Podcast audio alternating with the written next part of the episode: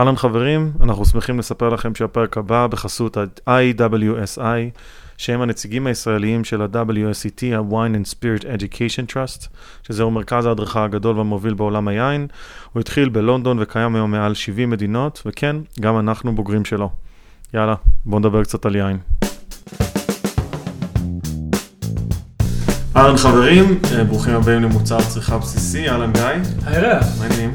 נהדר, טוב מאוד, קצת יין, זה נשמע לי בדיוק הדבר הנכון לעכשיו. מדהים, אה, ואנחנו היום מארחים את יעקב אוריה, אהלן. ערב טוב. סתם, ערב טוב. צהריים טובים. איזה כיף שאתה פה, והאמת היא שאנחנו בלי נון ג'דר, כאילו אנחנו לא יודעים באיזה שעה, באיזה יום אנחנו מעלים את זה, אז אה, אתה יכול להגיד מה שאתה רוצה. אשתדל שזה יהיה בערב. אוקיי. אז אה, אהלן, אה, יעקב, תרצה קצת לספר על עצמך למי שלא מכיר, למי שעדיין לא נהנה מפרי עבודתך? האמת שנראה לי שיש אנשים שלא יודעים שהם מכירים, כי, כי עוד רגע אספר, אבל אה, זה מהאנשים שמאחורי הקלעים של, של ענף היין, שעושים את, את היין, שעושים את העבודה, אנחנו בסוף פוגשים אותם, אה, אני כמי שנמצא במסעדות, אז אני פוגש את, ה, את היין בשורה התחתונה, ו... אה, אה, לא תמיד יודעים מאיפה זה הגיע, זו, זו ההזדמנות, זו הסיבה בעצם, אחת הסיבות שרצינו לדבר איתך. כן. כמו שאתם מבינים, יצרני יין הם אנשים מאוד אקספרסיוניסטים, בכלל לא מופלאים. צעקנים. לגמרי. אה, אני היום עניין של יקב פסגות. עשיתי כבר שם ארבעה בצירים. אה, מקום שנותן לי שקט, שקט לעבוד. אה, מקום שמאפשר לי הרבה מרחב ו- ונעים לעבוד שם. זה מאוד טוב לי שם. השקט הזה מאפשר לי לעשות עוד. והוא גם די מתבקש, כי בדרך כלל ינן ביקב הוא גם מנהל ייצור. מהמם. ובפועל, יקב פסגות, מאז הקמתו לא היה לו יינן, הוא היה לו פשוט מנהל ייצור שניהל את היקב. למעשה אני היינן הראשון של היקב שהגיע אחרי איזה 11 בצירים. וואו. כן, שהסתדרו בלי, הפרי מצוין והם... אה, אה, עושה יין טוב, אז היקב גדל כתוצאה מכך, אבל אך לא היה. הייצור היה אחראי על היין? אה, יועצים, היה ניסיון אוקיי. מצטבר, בסך הכל ענבים טובים, בעיקר יין אדום שהוא די סלחני, אז אוקיי. הכל היה בסדר. כמה זה כבר מסובך, סך הכל לוקחים ענבים, סוחטים אותם. מה זה, אתה מבין? הוא אומר, מה זה מסובך בכלל לעשות יין? הוא גם אה, הרבה פעמים אומר אה, ענבים מוצסים. אה, באמת הוא צודק, אנשים עשו יין אה, אלפי שנה בלי עיננים. זאת אומרת, אנחנו לא נמצאים שם בשביל לעשות יין. אנחנו נמצאים שם בעיניי בשביל שני דברים. אחד, אה, בקרת איכות. ובשביל זה הביא אותי באופן ראשוני בפסגות, כי ככל שהעקב גדל, הלוגיסטיקה התחילה ליצור בעיות איכות. ודבר שני זה לקבוע סגנון, כי כל ז'אנר של יין אתה יכול לכוון בתוכו להרבה סגנונות, בין אם תיקח רוזה, אתה יכול לעשות רוזה קליל עד רוזה לאוכל, רוזה מתיישן, כן. אדום יכול להיות קליל אל- ופרש, ויכול להיות אדום וכבד ואלכוהולי ומתיישן. ולא מתיישן. ואני חושב שמבחינה מסחרית, אה, היקבים האלה הם צריכים לבנות לעצמם מאגר לקוחות, הם צריכים זהות. מהמם. אתה לא יכול שבתווית אחת יהיה לך פעם יין, נניח לצורך העניין, ביין אדום ב-13% אלכוהול, שנה לאחר מכן ב-16% אלכוהול עם כל ההבשלה. בסופו של דבר הלקוח לא יודע מה הוא הולך לקבל, ואז הוא ילך למשהו שהוא כן מכיר. כן. אז אתה צריך ליצור איזושהי אה, פנים ליקב, פנים סגנוניות, זה לא כל כך חשוב מה הם, העיקר שאתה תהיה עקבי. אוקיי. אז אה, איך הגעת לזה בכלל? אמרת שיש את ה- את הפן הסגנוני, הפן- הפן המקצועי, זאת אומרת העניין ה... לעשות יין שהוא יהיה יין תקין או יין... אה, לא, זה, זה, זה, זה באמת שני, שני התפקידים בעיניי של עינן, זה סגנון ואיכות. אבל איך הגעתי לדבר על זה בכלל? בגלל שאני אמרתי שאתה בסופו של דבר אה, עושה, שזה מאוד פשוט לעשות יין, אה, זהו, אבל אה, זהו, זו התשובה למה שאמרת, תודה. אה, כן, אנחנו לא באמת לא עושים יין, שמרים עושים יין. כן. אנחנו באמת, יש לנו תפקיד אחר לגמרי. אה, אוקיי, אז וזה, לוקח אותך להרבה כיוונים. כי מה שהתחלתי להגיד על פסגות, שיש להם מנהל ייצור. וחצי תפקיד של יינן תפוס שם, לא היו צריכים אותי בשביל זה. אז אה, למעשה זה מאפשר לי מרחב לעשות דברים אחרים. אז מרחב, הדברים האחרים האלה, אני קצת אה, עובד עם יקבים אחרים, קצת מפתח מותג פרטי שלי, שהוא קצת יותר, אה, פחות מסחרי, יותר... יותר בשביל הכיף, בשביל יותר הנשמה. משוחרר ומאפשר לך לעשות דברים שאולי לא היית יכול לעשות ביקב גדול מסחרי? אני לא חושב שלא הייתי יכול, אני חושב שזה היה לא אחראי. אוקיי. זאת אומרת, אני עושה עינות כתומים. נורא, נורא אוהב אותם, אבל להגיד שהם נמכרים, הם לא. וזה פשוט חוסר אחריות, אתה בא ליקב, אתה למעשה מוציא לפועל איזושהי אג'נדה, שזה לא יקב שלי, זה לא אני החלטתי על אג'נדה, אני פשוט צריך לדאוג שהיא קורית נכון ומקצועי. אבל אה, במותג הפרטי שלי אני יכול לעשות כל מיני דברים שהם מבחינה מסחרית קצת שטויות. כאילו, באמת, אה, לא רציני, אבל בסדר. אה, אם אני יכול לקחת איזשהו ככה מלא מלא צעדים אחורה ל-background story שלך, מאיפה הגעת, מה הוביל אותך לעולם היין, עד היום אני לא יודע. אוקיי, זו שאלה טובה שאני גם לא מנסה לענות עליה. אוקיי. הייתי בעברי בענף הבנייה. אה, לא אהבתי לבנות, לא אהבתי את האנרגיות של הענף, על את המריבות, על הלוחות זמנים ועל המחירים ועל ה... אוקיי. לא בשבילי. אה, אחרי זה עשיתי פסק זמן, ואחר כך אה, יום אחד אני מתעורר עם ממש צורך לדעת הכל על יין. בכלל לא חשבתי שאני אלך לייצור, זה התחיל כחובב. באמת הלכתי די הרבה בזמנו לאיש הענבים, ברי ססלוב, מדבר איתך על שנת 2004, 2005, מהמם. והתחלתי ללמוד לעשות אה, ביקב סורק אצל ניר שחם. אה, באיזשהו שלב רציתי לעשות את זה למשהו שאני גם מתקיים ממנו, לא רק תחביב. אני ושותף פתחנו את יקב אסיף. זו הייתה חוויה מאוד מלמדת בהמון רבדים. היה בעצם פעם ראשונה ש, שיקב ישראלי בא והצהיר, אנחנו עושים משהו אחר קצת, אנחנו לא אה, יקב במובן, או לפחות איך שנתפס לנו אה, קלאסית, אה, פסיכולוגית, אה, יש לנו ענבים אז אנחנו עושים מהם יין, ולא שכל היקבים בארץ עושים את זה ככה, אבל יקב אסיף בא והצהיר, אנחנו יקב, אם אני זוכר נכון את ה- את האמירה, נכון, אנחנו יין יקב ש... שאוסף, ש... ש... יוסף, אתה, אתה קודם כל לגמרי, אתה זוכר נכון, אנחנו חשבנו בתחילת הדרך, שלמה להקים אה, מערך ייצור שעולה הון תועפות ואין לנו כיסים כאלה עמוקים. נקנה יין, נעשה בלנדים מעניינים, נעשה Mhm. מוצב, כל מה שצריך זה מכל ערבוב. שאגב, חלק מהיקבים הגדולים המפורסמים בעולם זה מוטון קדה של כן. משפחת רוטשילד, זה זה, זה בדיוק מה שהם עושים, הם, לא- אין להם אה, ענבים, הם קונים יין, אה, בהרבה מקרים הם מערבבים. אבל זה החזיק אצלנו שנה אחת. זאת אומרת, זה היה ב-2006, ב-2007 כבר נכנסתי לייצור, כי מה שאתה אומר על מוטון כזה, זה תרבות. יש בצרפת תרבות של נגוסיאנטים, של סוחרי יין, כל מיני חלקות אנשים שיש להם כרם בבורגון, יש להם שורה, חצי שורה, עושים יין. באמת זה לא מחזיק מותג, זה לא מחזיק מערך הפצה. אז הם מוכרים את היין, וזה בסדר, זה לגיטימי, ויודעים לחיות עם זה. אנחנו פה באנו לתרבות של... עם הרעיון הזה באנו לתרבות של יקבים שעושים לעצמם, מהמם. ורוצים למכור אותו. אז את היין הטוב, הם כמובן לא מציעים לנו למכור, לקנות. את היין הגרוע, אנחנו לא מעוניינים בו, כי כן. הוא גרוע. אז יש איזה רובד ביניים שתאורטית אפשר לעבוד, שהם מוכנים למכור, אנחנו מוכנים לקנות, והיה אפשר לעשות שם דברים מעניינים, בשילובים מעניינים. הבעיה היא הייתה האחידות. זאת אומרת, שנה הבאה, זה שהשנה היה לו קצת עודף מרלו טוב, הוא מוכן למכור לי אותו, זה לא אומר ששנה הבאה יהיה לו עודף מרלו. כן. ו... יותר מזה, גם אתה תייצר מהמרלו עודף שלו יין טוב, הוא יגיד לעצמו, אוקיי, אם אה, יעקב עשה יין כזה נפלא מהשאריות של המרלו שלי, אני אשאיר את זה אצלי ואני אעשה מזה יין בעצמי. נכון. אז היה לי בעיה של אה, אחידות חומר גלם. אתה לא יכול לעשות בלנד מרלו אם אין לך מרלו, כן? מהמם. זה לא עובד. והייתה בעיה של איכות, כי בקיצור זה לא היה עקבי ואי אפשר היה לפתח מותג במקום שאין לו תרבות נגוסיאנטית. זה צריך, זה צריך ליפול במקום שכולם יודעים לעבוד עם זה.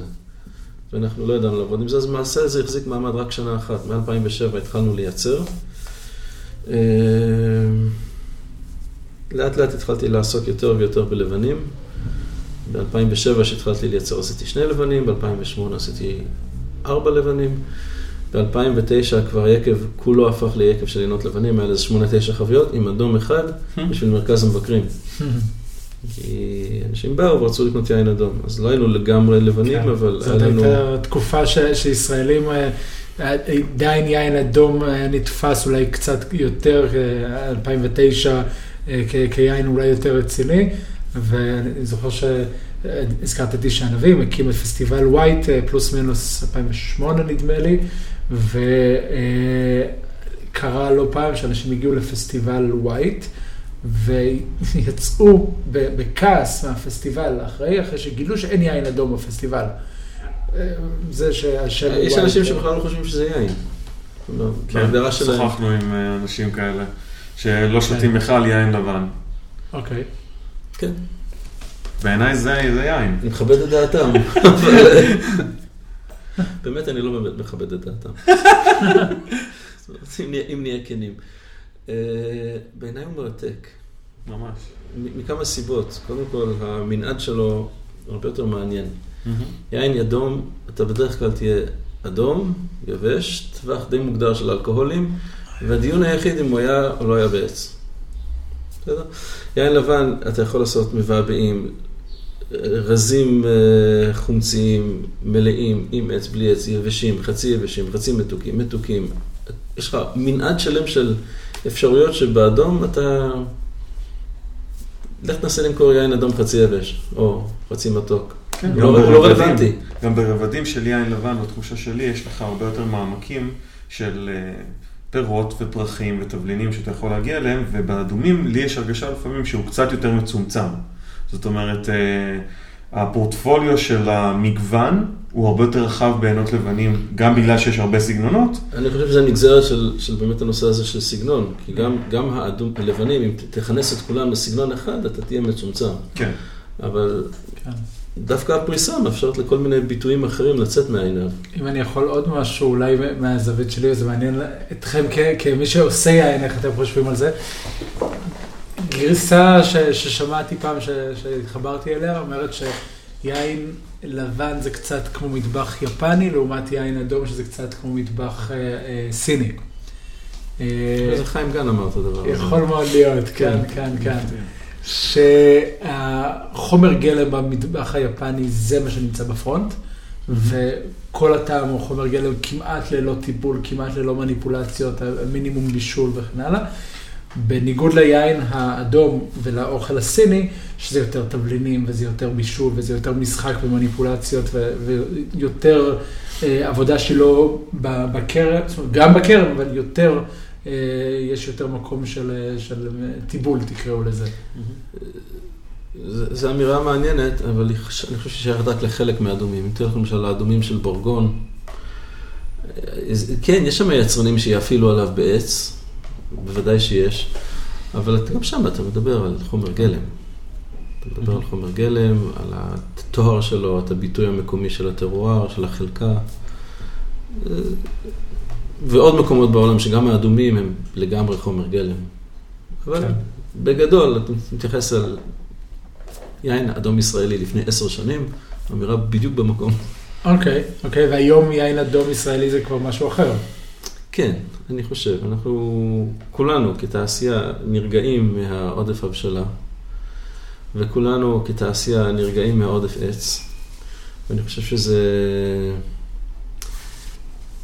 סימנים של התבגרות. אני חושב שכשאתה מתחיל לעשות יין, אז ההבשלה היא מאוד מרשימה, והעץ, הוא, הטיבול שהוא יודע לתת, הוא מאוד מרשים.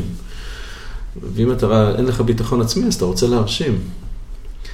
אבל ככל שאתה מתבגר, ואתה מבין שיין, עם כל הכבוד לו, הוא בסך הכל משקה, ושצריך לשתות וליהנות ממנו, ולא רק לדבר עליו, אז אתה עושה משהו שיותר נעים לחך. אז האלכוהול לא גבוה, העץ לא אגרסיבי, אה, יש ביטויים זניים שהם מעניינים. כלומר, אוקיי. כשאתה מדבר על קברנה ומרלו לצורך העניין, צריך להיות מאוד ברור שהם לא אותו דבר. כן. אתה לא יכול להגיד זה קברנה וזה מרלו, כאשר כל ההבדל ביניהם הוא כתוב ככה על התווית. באמת צריך להיות ביטוי אורגני בתוך היין עצמו שמבטא את, לא משנה מה שאתה רוצה לבטא, אתה מבטא את הזן, אז תבטא אותו. אתה רוצה לבטא את האזור, אז תבטא אותו. Okay. אתה, אתה עושה בלנדים, אתה רוצה לבטא, אז שכל בלנד שיהיה לו את הזהות שלו. אוקיי. זה לא יכול להפוך גנרי. אמרת קודם שהיקב ש... יקב פסגות היה מנהל ייצור ואתה כיינן, אז בעצם איפה, איפה המקום שם, מה נמצא קדימה, והאם אתה רואה איזשהו שינוי בגישה של, ה, של היקב בעשיית היקב? בעיניי הם עשו מעשה אמיץ, מאוד, לא- מאוד לא פשוט, ו- ו- וכשאני אומר שטוב לעבוד שם, אז באמת, הם, כל מה שאני אחליט, הם לא, לא, לא מתווכחים איתי, הם יכולים לקיים איתי דיאלוג. אוקיי. אבל uh, לא מתערבים לי ב- ב- בהחלטות. Uh, אני, אני כמובן גם קצת מבוגר אחרי, אני, אני משתדל להיות לפחות. אני, אני לא עושה שטויות. זאת אומרת, אני יודע שהיין בסופו של דבר זה יקב שמייצר בהיקפים של קרוב ל-400 אלף בקבוק, 350-400. לא קטן. לא קטן בכלל. Mm-hmm. והיין צריך להימכר, ויש לקוחות שיודעים מהו פסגות, ואני כן. לא יכול פתאום להביא להם משהו אחר לגמרי, כשמצפים ל-A, לתת להם B. כן. אז אני לא אני מתעלם מזה. מצד שני, אני כן רוצה ש, כמו שאמרתי, קצת פחות הבשלה, קצת פחות עץ, קצת שיין יותר אה, מרובד ומעניין, עם משרה של טעמים, ולא אוקיי. בומבסטי ו-too much. אז כמה באמת יש השפעה של הלקוח ושל ה marketing, של השיווק, על אופי היין בסופו של דבר, והאם זה קהל ישראלי, קהל אחר? אה, במקרה של פסגות זה גם קהל ישראלי, אבל בערך 50% מהייצור שלנו הולך לארה"ב ועוד איזה 20% לשאר המקומות בעולם, אנחנו מייצאים כ-65-70% מהיין. אה, ומאוד קשה לכוון, כי אם אתה מדבר למשל על הקהל אה, האירופאי, הוא רוצה פחות הבשלה. ואם אתה רוצה לדבר על הקהל האמריקאי, אז הוא רוצה הבשלה, אבל הוא מתחיל להבין ש- less is more. אנחנו מתחילים עכשיו להגיע לשווקים, במזרח הרחוק, ושם אם אתה לא נות... יותר אלכוהול זה יותר טוב. אז מאוד קשה אה, לכוון ללקוח, כי אין לך לקוח אחד, יש לך קהלים שונים. מצד שני, בעבודה העניינית אתה, אתה לא יכול להתעלם מזה. אתה לא יכול להגיד, אני, טוב, יש לי מלא לקוחות, כל אחד רוצה משהו אחר, שיסתדרו. אני, גם אם אני ארצה להגיד את זה, זה לא יקרה, זה לא יהיה אמיתי, כי בראש שלי אני אחשוב, מה נכון, מה נכון פה. אה, ובסופו של דבר אתה עושה איזשהו שיקול דעת. הטוב ביותר שאתה יכול. אתה מצד אחד רוצה לשמור על הבשלה, ולא, ולא לעשות יין דלוח, ומצד שני אתה לא רוצה מדי הרבה אלכוהול, ובסופו של דבר אתה מגיע למסקנה העתיקה והידועה של הענף שלנו, שהשמיכה קצרה מדי. אתה לא יכול הכל. אתה באיזשהו שלב תעשה ויתורים, או שתעשה ויתור בהבשלה, או שתעשה ויתור באלכוהול. אז אה, תמשוך לפה, יהיה קצר שם, תמשוך לשם, יהיה קצר פה. אה, ואני חושב שמאחר ו... דיברתי לפני רגע על הסגנון, בסופו של דבר יש בן אדם אחד שמחליט, ולא כל פעם מישהו אחר עושה את ההחלטה, אז בן אדם אחד מחליט, אז נוצר, נוצר סגנון. בהחלטה הזאת של השמיכה הקצרה מדי, כן. מאחר ובן אדם אחד מחליט, והוא מחליט את זה באופן עקבי, ייווצר סגנון של המותג. אני חושב שגם זה מה שעושה את היין מעניין, כי הוא לא פחות לגיטימי. ההחלטה של עינן אחר, קולגה שלי שהיה מקבל את אותן מושכות, היה מקבל החלטות אחרות. זה לא אומר שההחלטות שלו היו טובות יותר או טובות פחות, הן פשוט היו שונות. אז אתה בעצם מדבר על הטביעת אצבע של היינן אולי, שמי שלוקח את ההחלטות, והשאלה, ובאמת שזה יראה גם אליך, אני רוצה לדעת, כי יש גם לא מעט דיון בענף על אה, טביעת אצבע מול דריסת רגל. Mm-hmm. עד כמה המקום של היינן בקביעת האופי של היין. או שזה קרקע, טרואר, אקלים, דיברת על בורגון קודם, שהגישה בגדול בבורגון, שוב, הכללה גסה, אומרת, אנחנו מינימום התערבות, רק הטרואר, רק הקרקע, כמה שפחות לגעת. פה בארץ אנחנו אולי קצת יותר מתערבים, איפה, איפה נכון? שואל אותי לא טוב, כי... קצת ראה, אתה שקט מדי. אני מקשיב, אני בהקשבה. מדברים על, כשאתה אומר דריסת רגל או טביעת אצבע, אתה מדבר למעשה על דיאלוג בין שני מרכיבים. אתה מדבר על טרואר, שמה שהטבע יודע לתת, ואתה מדבר על האדם שמתערב או בעדינות או בגסות. אגב, בטרואר, שתדע לך, סליחה שאני קוטע אותך, הצרפתים מגדירים את האדם, זאת אומרת, במילה טרואר, האדם, היצרן, העינן, אז הוא חלק מהטרואר. אה, שמעתי איזה... מגדל. המגדל, המגדל. הווינירון, מי שעושה את הענבים ועושה, מגדל את היין. אה, אז, אז הוא בעצם חלק מהטרואר. אה, ובאמת, זה, זה, זה אני נכון. חושב שצריך לשים את זה בתוך הדבר הזה. אני חושב שזה די נכון כשאתה מדבר על המגדל. כי בסופו של דבר, מאותו כרם, המגע יד של הכורם הוא מאוד משפיע. אני לא בטוח שמגדירים את היינן בתור חלק מה... אה, וינירון, שזה יינן וינירון זה שהוא- מגדל מגדל. שעושה יין, בדיוק, אבל לא יינן לבד. נכון. סבבה. אז אין- אין באמת. זה בהגדרה, אם אני אין צריך לי עניין להגדיר... בצרפתית. בדיוק. קו זה שף. שף דה קו.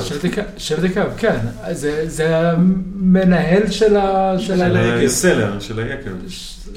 אני, אני אישית ב- בעבודה שלי, אז אני מנסה להיות בדיוק זה. אני של, לקחתי את, הפרויקט בארצות הברית, אז, אז שוב, הגעתי מזינט הומברש באלזס, שעבד אצ- אצלו כמה חודשים טובים, כמעט חצי שנה, והייתי בעיקר בכרמים, רק uh, כמה חודשים לפני הבציר כדי בכלל להבין מה הולך להגיע. אותו דבר אצל ליב קוירון בעמק הרון. Uh, הכרם הוא מבחינתי ה- ה- הבסיס, הברירת מחדל, להבין מה אפשר לעשות ממנו, ובעיקר בהקשבה שלי, להבין מה היצרן עושה בהקשבה שלו. אה, וכשאני לקחתי את הפרויקט בארצות הברית, אז, אז ההחלטה שלי הייתה מפורשת להיות מגדל יין. לעבוד בכרם כדי להצליח לנסות לעשות יין. להיות קורם שגם עושה קצת יין ולא להיות יינן. אז אתה מדבר על גישה שהיא מאוד אה, עולם ישן בגישתה. אה,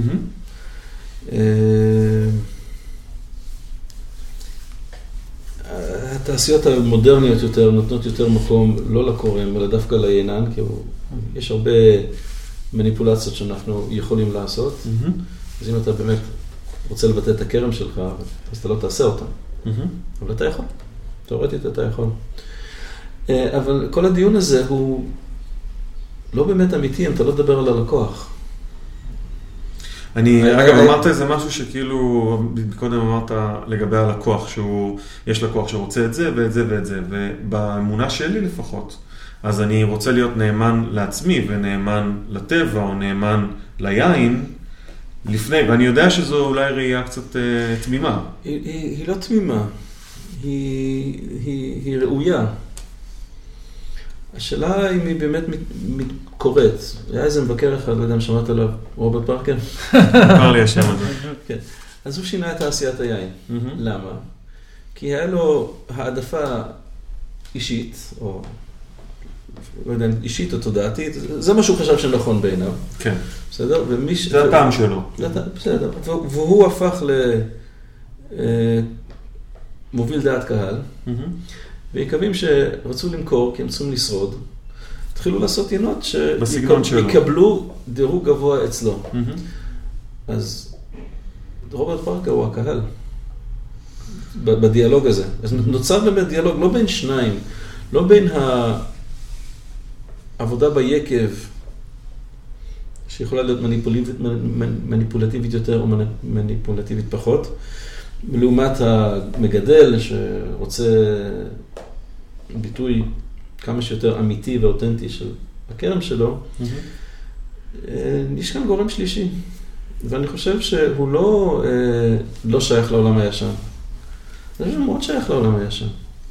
למה פורטוגל אה, פיתחה פורטים? כי הם טיילו טוב יותר בים עם. אלכוהול, אז פתח לזה קהל, אז למה? כי זה, הקהל קבע את זה. הקהל יצר למעשה את הפורט. כן. כי, כי הוא המשיך לקנות את מה שנעשה באופן ראשוני רק בגלל אילוץ יינני של לשמור עליו בטלטלות הדרך, אז הוא היה מוגן יותר. כן. אז זה נעשה מסיבה א', אבל הוא המשיך ופיתח שוק, וכמעט כל עמק הדורו היום מייצר היום פורטים בגלל הקהל. או קח למשל את הרוזה בישראל. אה, כשאנחנו התחלנו לעשות רוזה, היו רוזים עוצמתיים. לאט לאט הרוזים היום הופכים לכלילים ועדינים יותר ויותר. למה? כי זה מה שהקהל רוצה. כן. יש גם, אה, האמת שזו שאלה שעניינה אותי אה, לשאול יינן.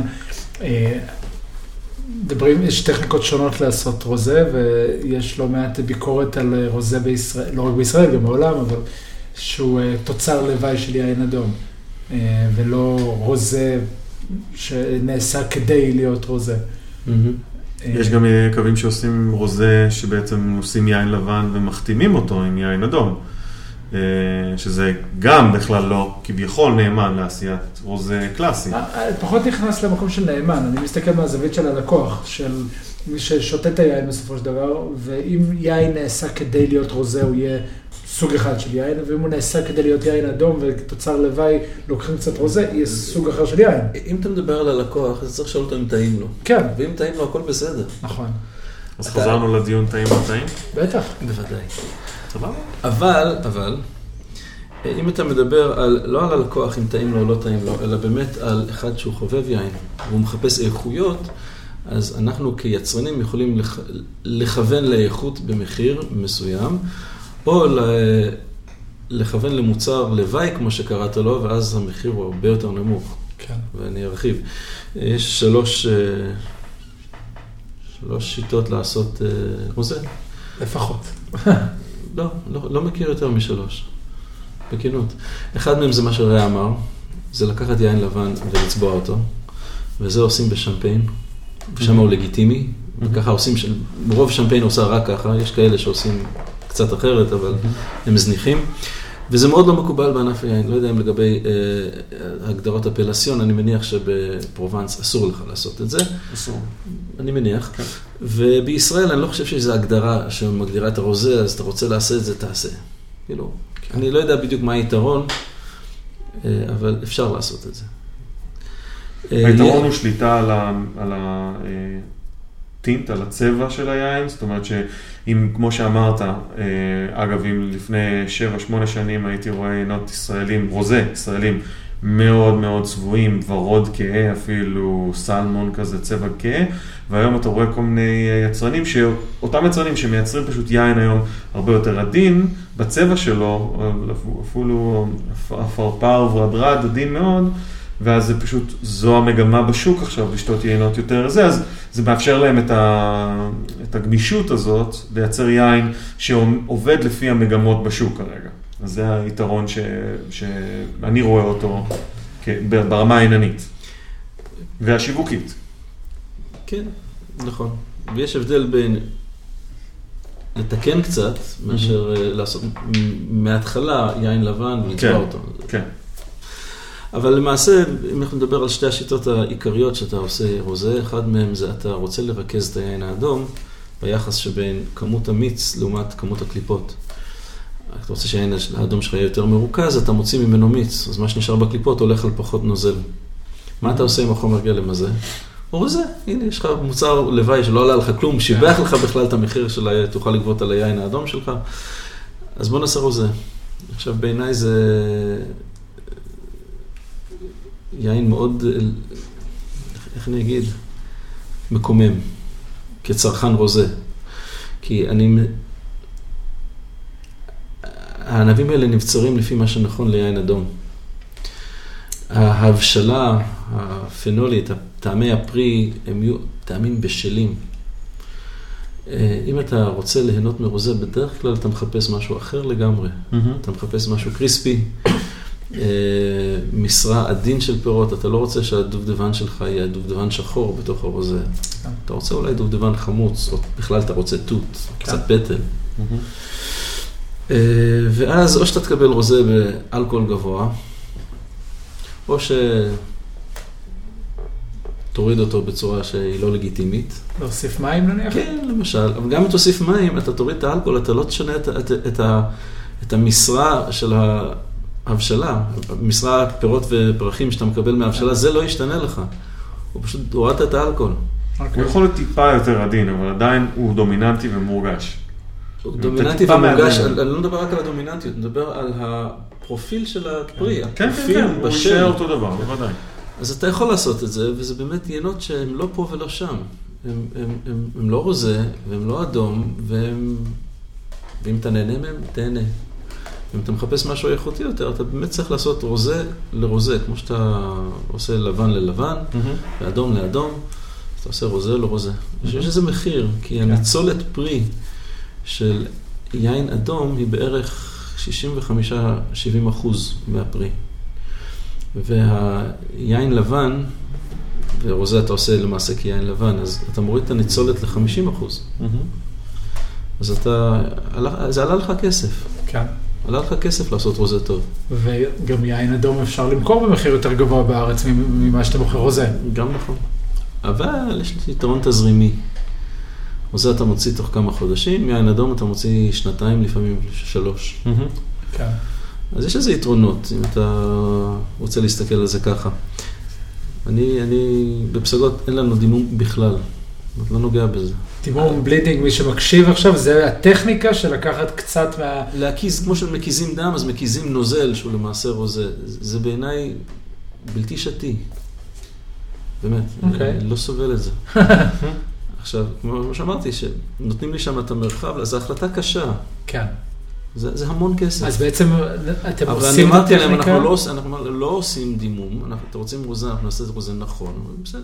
אוקיי. ועם עם השאריות של היין שהוצאתם, אם אתם בכלל מוציאים יין לבן מתוך האדום כדי לרכז את האדום, לא, לא עושים את זה. בכלל. אוקיי. יש עם זה בעיות מורכבות מאוד, באמת לא יודע אם זה מעניין כל כך, אבל על רגל, על רגל אחת אני אגיד לך, המיץ בעיניו הוא לא אחיד.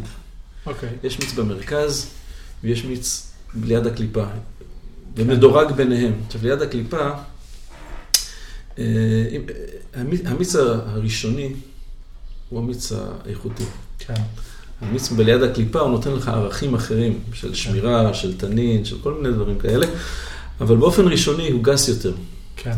עכשיו, אם אתה תיקח את המיץ הראשוני, סחטת, עכשיו אתה רוצה לקחת רוזה, אז לקחת את המיץ הראשוני, פגמת ביין האדום. כי את כל המרכיבים האיכותיים האלה, למשל יין לבן, למה הוא טעים? כי הוא עובד רק במיץ הראשוני. אז לקחת את המיץ הראשוני מתוך היין האדום, מה, מה שנשאר מאחורה הוא החלק הלא טוב של המיץ. אז אם אתה באמת רוצה לעבוד ב bleeding, אתה צריך למעוך את הענבים, לתת להם השריה של בערך שלושה ימים בלי תסיסה, אז לעשות את ה bleeding, כן. ואז אתה בסדר, כי הוא קיבל הומוגניזציה של מה שקרוב ומה שרחוק. הבצ... הבעיה שבשלב הזה אתה יש לך כבר מיץ אדום. כן. אז או שאתה פוגם באדום שלך, או שאתה לא עושה את זה. הבנתי. אוקיי, אוקיי, אז אתה עושה רוזה ואתה עושה לבן ואתה עושה אדום, מה עם אה, יינות אה, מבעבעים, יינות מתוקים? אז בפסגות אנחנו התחלנו תוכנית של עינות מבעבעים. זה בעיניי היין האצילי ביותר. אה, אני הלכתי לגור אצל חוואי בשמפיין אה, כמה וכמה שבועות כדי ללמוד איך, איך עושים את זה. באמת בלבל, בלבלתי לו את המוח בצורה לא רגילה, הוא איש חמוד.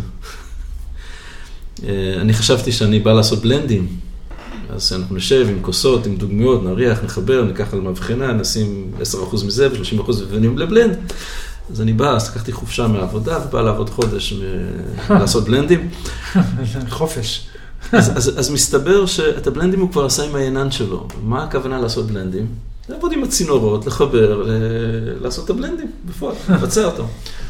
כמעט, אה, כמעט אה, חזרתי הביתה, אבל אה, נשארתי. באמת היה לי פשוט, עבדתי איתו אחד לאחד, רק שנינו עבדנו בעקב איזה קרוב לחודש, ובאמת חקרתי אותו. היה לי שבועיים, שלושה של לחקור בן אדם שזה מה שהוא עושה, זה מה שאבא שלו עשה, זה מה שסבא שלו עשה, על אותם כרמים, ופשוט בלבלתי לו את המוח בצורה ממש אינטנסיבית. אה, יצאתי משם עם די הרבה הבנה לתהליך. אה, באמת לעשות כזה דבר באופן פרטי הוא מאוד בעייתי, כי מאוד קל להכניס, קל יחסית, כן? קל יחסית להכניס יין לתסיסה שנייה בבקבוק, זה החלק הקל. הבעיה שאנחנו בארץ חמה ואין לנו אה, עיר תת- תת-קרקעית של קילומטרים שאתה יכול לשמור את היינות שלך ל-5, 6, 11 שנה כמו בשמפניה. ב-12 מעלות באופן טבעי. מהמם. בשמפניה יש להם את זה, לנו קצת פחות. אז אתה צריך לקרר יין חמש שנים בארץ חמה, זה ממש. יקר. אתה צריך להשכיב חמישה-שישה בצירים עד שאתה מתחיל למכור אותם, זה גם מאוד יקר. והטכניקה, סליחה, הטכנולוגיה של להוציא את השמר ומהר מאוד לשים לו מילוי ולשים לו את הפקק הפטרייתי הזה שאנחנו מכירים, אה, זה ציוד מאוד יקר. ואפשר להתחיל את התהליך ולהיתקע. אז, אה, אבל אה, עוד פעם, בפסגות היה לי את הטירוף הזה, לדעתי הוא קצת טירוף, אבל הם אה, אמרו יאללה. זה בעצם מגרש משחקים לילדים גדולים, שאנחנו אה, הולכים ומייצרים ומשחקים בלייצר כל מיני דברים כאלה עם הימור לא פשוט, כלכלית. אני לא חושב שזה הימור. אני חושב שזה חזון. אוקיי. יש הבדל בין... הימור מושכל, הימור מבוקר, הימור אה, אה, אחרי מחקר. בוא נקרא לזה סיכון מחושב. אוקיי, יש הבדל מהותי בין סיכון מחושב להימור. אוקיי. בסדר? זה דבר ראשון. אה, דבר שני, זה לא מגרש, מגרש משחקים. היין הוא, אמרתי מקודם שהוא בסך הכל מוצר צריכה, אבל זהו שיש לו ערך מוסף. ואנשים מתייחסים אליו לא רק כמוצר צריכה, אלא באמת כסוג של אה, ביטוי תרבותי. וזה יכול להיות אומנות, וזה יכול להיות היסטוריה, heritage, וזה יכול להיות אה, אה, גאווה מקומית, וכל מיני ערכים שנכנסים מעבר להיותו משקה, ואני חושב שזה שיקב יודע להרים את האף מהתזרים מזומנים שלו ולהסתכל קצת קדימה, כן, לעשות דברים יותר מעניינים, כן, אני חושב שזה מעורר כבוד. לגמרי. ויש לזה שוק? זאת אומרת, אמרת שהלקוח אה, מוביל אתכם בחשיבה המקצועית או הסגנונית, יש שוק בארץ? אני, אני, אני רוצה לדייק, אני לא חושב שהלקוח מוביל אותנו, אוקיי. אבל הוא, הוא חלק בשיחה. לא, כמובן. זה, זה לא דיאלוג בין יינן וטרואר, זה דיאלוג בין יינן, טרואר ולקוח. יש, אוקיי. זו שיחה שמתנהלת כמו פה, שלושה אנשים מדברים. אה, וכן, אנחנו, אנחנו חושבים שכדאי להיכנס, אנחנו. אני עושה את זה כי אני מת לעשות את זה, אבל אה, ה- המנכ"ל וה- והבעלים שהם מקבלים את ההחלטה ללכת עם זה, אז כן, השיקול שלהם, יש לזה שוק. מהמם. האמת היא שהייתי שמח אם תיתן uh, למאזינים שלנו, נוכל כולנו לעזור לך, אבל uh, מהניסיון שעבדת בשמפיין, קצת לספר על איך עושים שמפניה. Uh. נתנו פה הרבה הסברים והדגשים, אבל איך, איך זה קורה בעצם? Hmm. אם אתה לא, צריך עזרה, אנחנו, לא, לא, זה, באמת... אנחנו פה איתך. אז ככה, קודם כל, בשמפיין אנחנו נמצאים בקצה הצפוני ביותר של אזור גידול הענבים. מהמם. עכשיו, עם התחממות כדור הארץ, המצב לא כל כך קיצון, בדרך כלל מגיעים היום להבשלה כל שנה, אבל uh, עד לפני כמה שנים, לא כל שנה היה להם הבשלה. מהמם. Uh, אז היין נצבר ב... ביקב, קודם כל הוא, הוא באלכוהול מאוד נמוך, כי ה- אין הרבה שמש, וגם כשאתה בוצר אה, בשיא ההבשלה, אתה נמצא בסביבות בין 10 ל-11 אחוז אלכוהול. זה היה מאוד מסכן, באמת. כן, אז בעצם השמש, שאין הרבה שמש ואין הרבה... ויש הרבה קור. אז אין. הרבה, אין את הפוטוסינתזה שגורם לסוכר סוכר גבוה יותר בענב, ואז בעצם הענבים מאוד חמוצים, לא מצליחים מאוד להגיע חמוצים, להבשלה. ואם אתה סוכרית. מתרגם את כל הסוכר שלהם, נשארת עם 10-11 אחוז אלכוהול. כן, שזה יין רזה למעשה, מאוד. הוא הוא לא רק רזה, הוא גם לא נעים, הוא חמוץ. אתה מדבר על ערכים של 10, 11 ו-12 גרם לליטר, כאשר ביין לבן רגיל אנחנו מדברים על 6. כן. זה יכול להיות להגיע לכפול. אז הוא לא שתי כל כך בפני עצמו, כן. אבל... והוא ו- גם כמובן לא יצליח להגיע להבשלה הפנולית, אז זה להבשלה משתנה, של... זהו, אז ה- היום בדרך כלל הם מקבלים יותר הבשלה, כי כן, יותר חם ויותר יותר. שמש, כן. אבל עד לא- עד לא מזמן, היו שנים שהם הגיעו והיו שנים שהם לא הגיעו. מהמם. אז הם היו צוברים את היין, מתסיסים אותו, נותנים לו להצטבר ביקבים, במכלים גדולים, וקראו לזה ריזרבה. זה לא ריזרבה שרואים על הבקבוקים מריוחה, אלא זה יינות ריזרבה, יינות שמורים. והיו, כל שנה היו צריכים להוציא יין, אז היו לוקחים יין משנה ממש טובה, ויין משנה בינונית, ויין קצת, לדחוף לשם קצת יין משנה ממש גרועה, ומגיעים לאיזשהו איזון, ולמעשה איזון סגנוני, כי הם יודעים לחזור על זה פחות או יותר משנה לשנה, ויש לנו יין בסיס מוכן לשלב ב'. ואז אתה לוקח סוכר ושמרים, ש- רגע שנייה אחת, את השלב הראשון ששומרים את היין, איפה שומרים אותו? במרתפים, במכלים, מכלי במכלי נירוסטה. כן, היום, פעם היה חביות עץ, אבל היום אנחנו, ב-50 אוקיי. השנה האחרונות, התקדמנו, זה נקי יותר. אז יש לנו יינות רזרבר מכל מיני שנים, מרכיבים בלנד, הבלנד מוכן לשלב ב'. מהו שלב ב'? מכניסים לו עוד סוכר, אה, מאוד מאוד מחושב. כן. זאת אומרת, זה לא ממתיקים אותו, מוסיפים 24 גרם לליטר, שזה יודע לייצר 1.5 אחוז אלכוהול. אוקיי. ואז מה-10, נניח 11 מקסימום שהיין בסיס נמצא, אז אנחנו נגמור את התהליך ב-12.5 אחוז אלכוהול. אם התחלנו ב-10.5, אז נגמור ב-12. זה- אנחנו לא יכולים להוסיף יותר, כי הבקבוק יתפוצץ. אנחנו לא יכולים להוסיף פחות, כי לא יהיה לך מספיק גזים. זה מדויק ביותר. ובעצם נשאר גם סוכר מתוך הסוכר הזה בסוף הבקבוק? לא. אוקיי. היין תוסס בבקבוק, למעשה אתה עושה אלף בקבוקים, למעשה יש לך אלף מכלי תסיסה. אז המכלי תסיסה האלה זה דבר קצת מפחיד, כי כשאני מתסיס ביקב במכל תסיסה, אני אומר לו כל יום בוקר טוב, אני מריח אם הוא מחוזר, אם הוא מחומצן, אם השמרים בהקה. זה סגור, זה בבקבוק, אין, אין, זהו, נדבר איתו עוד חמש שנים. כן. אין, אין מה לעשות. כשאתה מסיים את התהליך, היין יבש.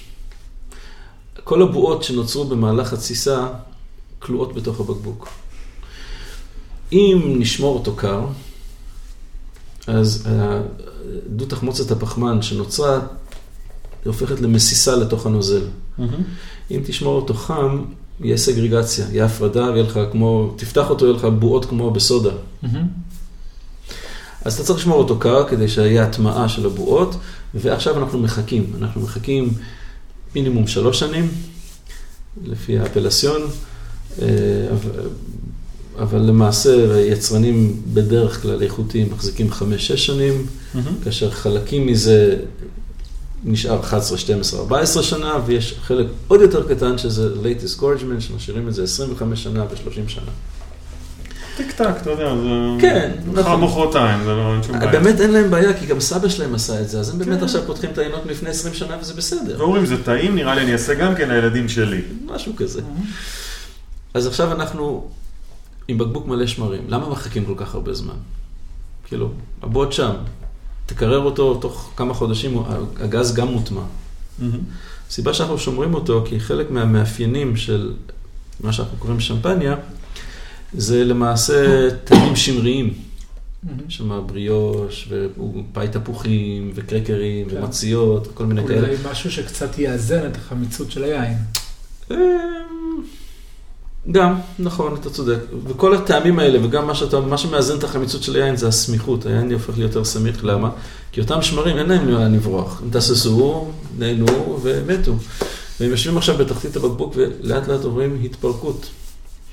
וחלקים, רוב, רוב החלקים שלהם כמובן נשארים כמצע שמרים, שבאיזשהו שלב אתה מוציא. אבל מתוך ההתפרקות הזאת יש גם כמה חלקים שמתמוססים לתוך היין. זה סוכרים גבוהים, סוכרים מורכבים, או פוליסחרידים, והם עושים את היין גם סמיך יותר, וגם את הטעמים האופייניים של שמפיין, שזה כל העוגת פאי תפוחים והבריאוש. וזה מה שאנחנו מחפשים שם. אז אנחנו צריכים לתת לתהליך הזה לקרות, אז יושבים על השמרים הרבה שנים, ככל שאתה נותן לשמרים יותר זמן, הם יותר משפיעים על היין. הגעת לשלב, אמרת, יאללה, שמרים עשיתם את שלכם, תודה רבה, יש תהליך של היפוך הבקבוק בהדרגתיות, זה נקרא, אה, באופן ידני זה נקרא רידלינג, סובב ימינה, שמאלה, ימינה, שמאלה, ימינה, שמאלה, וכל פעם אתה לאט לאט מוריד את הראש, או היום זה נעשה בצורה מכנית בעזרת מכשיר שנקרא ג'ירו פלט.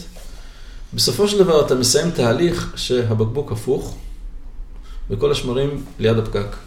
דרך אגב, בכל התהליך הזה הוא סגור בפקק אה, מתכת, כמו פקק בירה. ואז יש שם גם איזה כוסית בפנים, אתה מקפיא את הראש הזה עם כל השמרים בתחתית. אוקיי, לא עם החרב. בשלב לא. זה, זה לא בשלב הזה. זה עוד רגע, נגיע לחלק.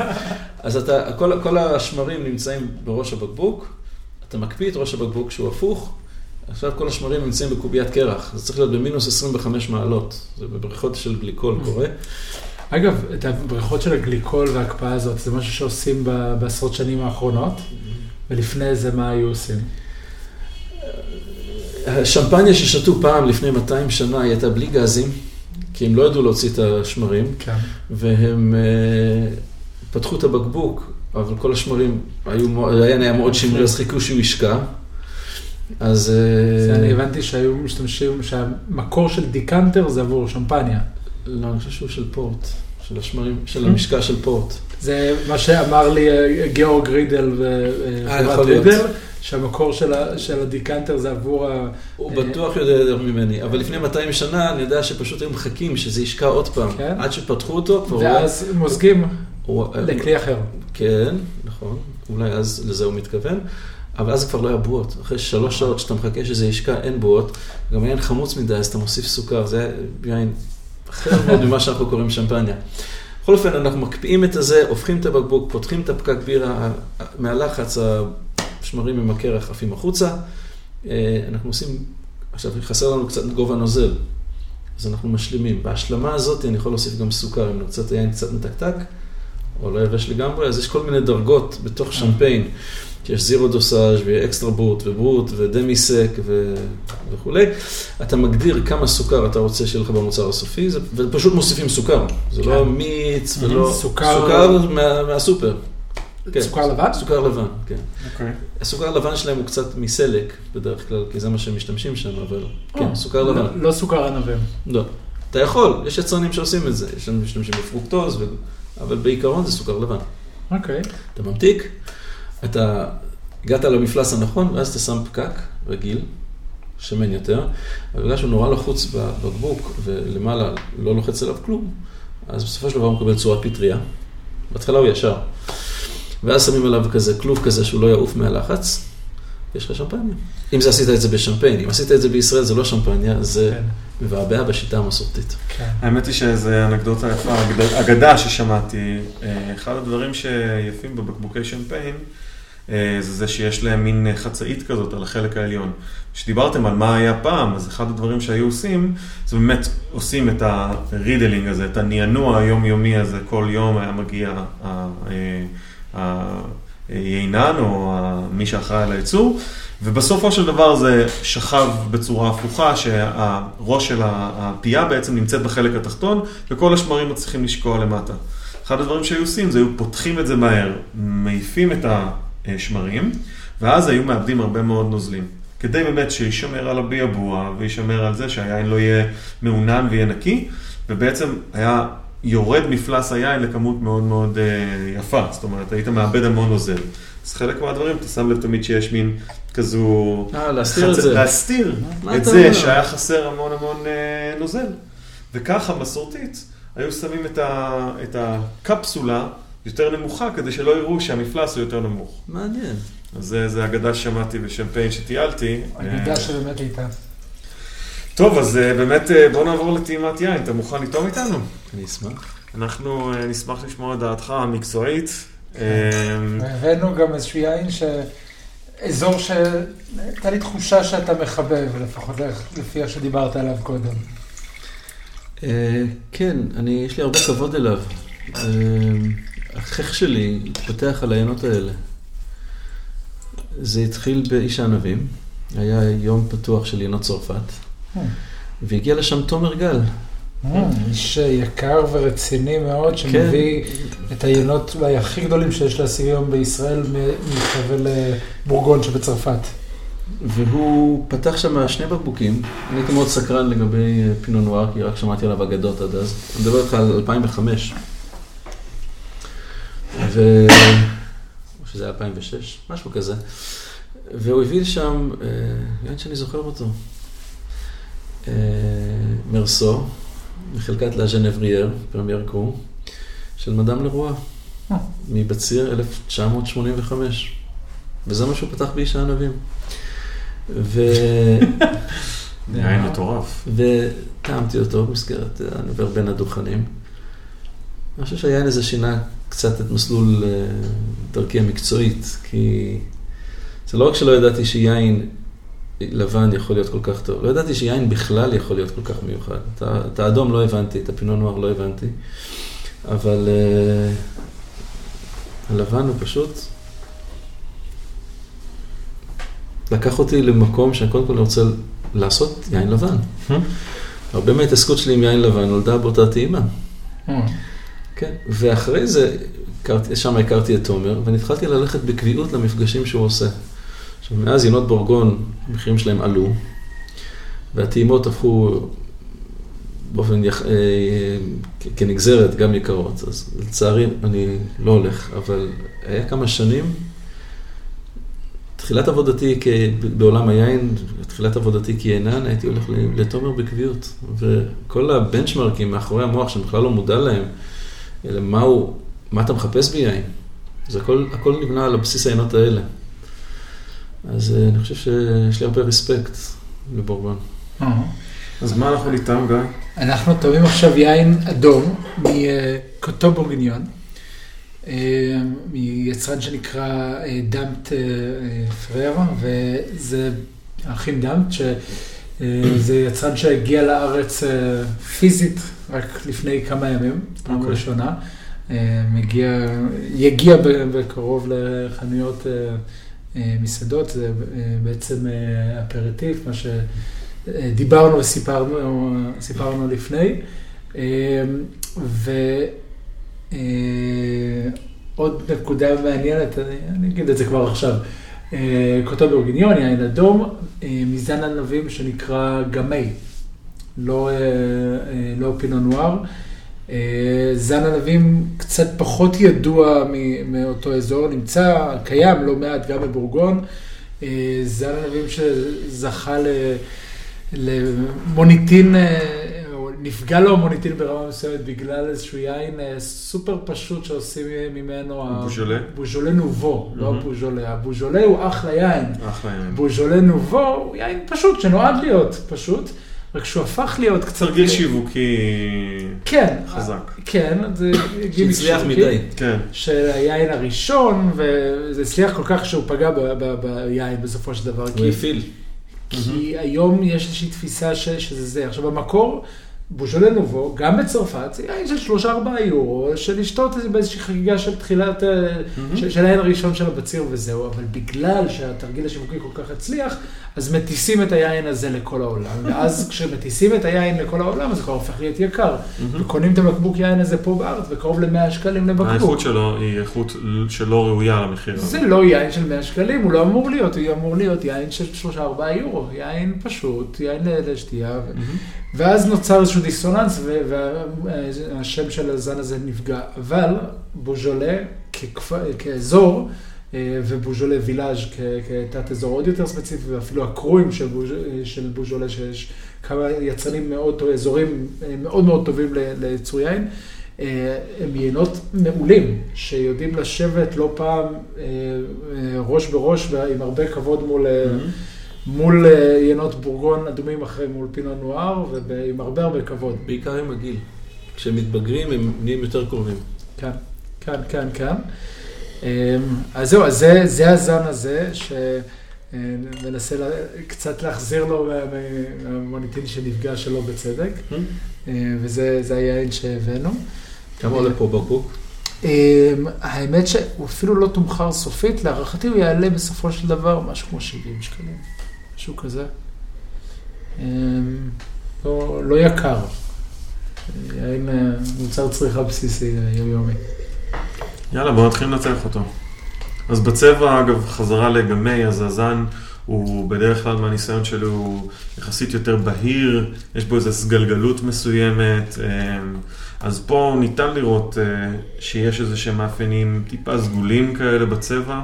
אה, צבע עמוק יחסית, הוא לא אה, דליל בצבע שלו, אבל יש, הוא לא דחוס לחלוטין, אלא אפשר לראות דרכו, הוא... אה, זהו, עמוק יחסית לפינו נואר, דליל יחסית לסירה, כן. נגיד. זה איפשהו, תרצו, איפשהו באמצע, בין כן, הפינו נואר לסירה. כן.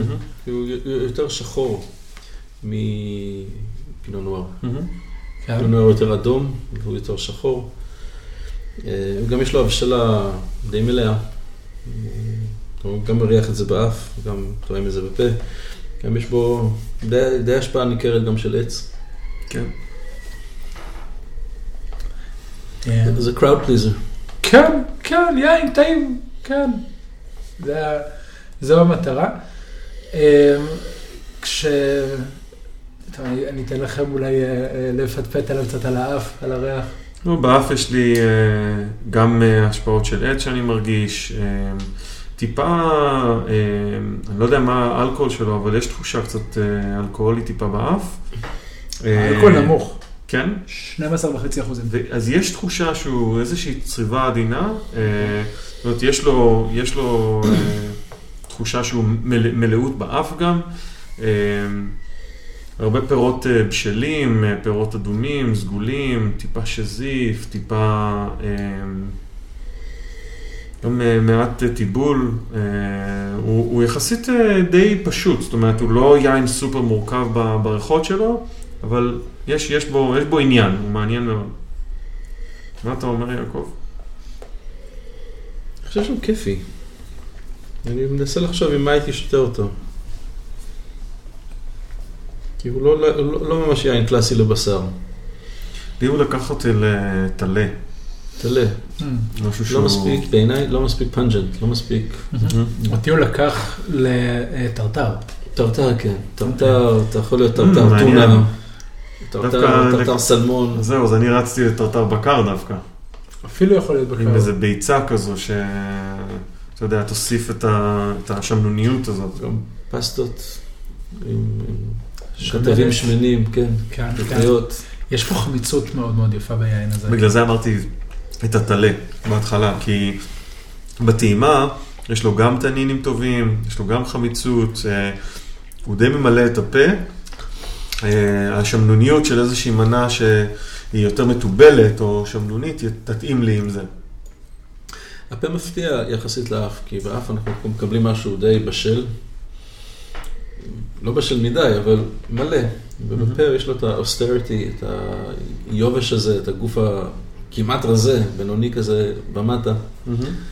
וזה דווקא עושה אותו באמת מתאים לאוכל. הפה. האף פחות, אבל הפה כן. Mm. אוקיי, אוקיי, טוב, אני מתחיל להיות רעב כאן.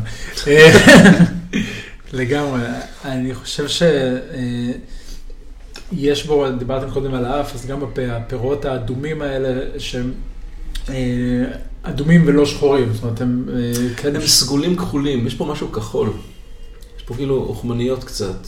אוקיי, פיטנגו שהוא מאוד בשל, הוא לא פיטנגו אדום בהיר, אלא אדום, פיטנגו שהופך לסגול, אוקיי. כן, שם הוא נמצא. מעניין, ממש אחלה. אחלה של יין. כן, כן, תודה רבה כן. לך. כיפי לגמרי. תודה, תודה לכם. טוב, ובאמת אה, תודה רבה יעקב, שהתארחת אצלנו, היה מאוד מעניין. שמחה גדולה. אה, ותודה גיא. תודה רבה, אה, ראם. האמת היא ששכחתי להגיד להם שהם מוזמנים לקבוצת הפייסבוק שלנו, מוצר צריכה בסיסי, שם פרסמנו כמובן את אה, הם היין כבר הזה. יודעים, הם מכירים. בטח. הם. יודעים, אחלה. אז, אה, אז תודה רבה על ההאזנה ואחלה יום. צ'או צ'או. גם לכם. צ'או.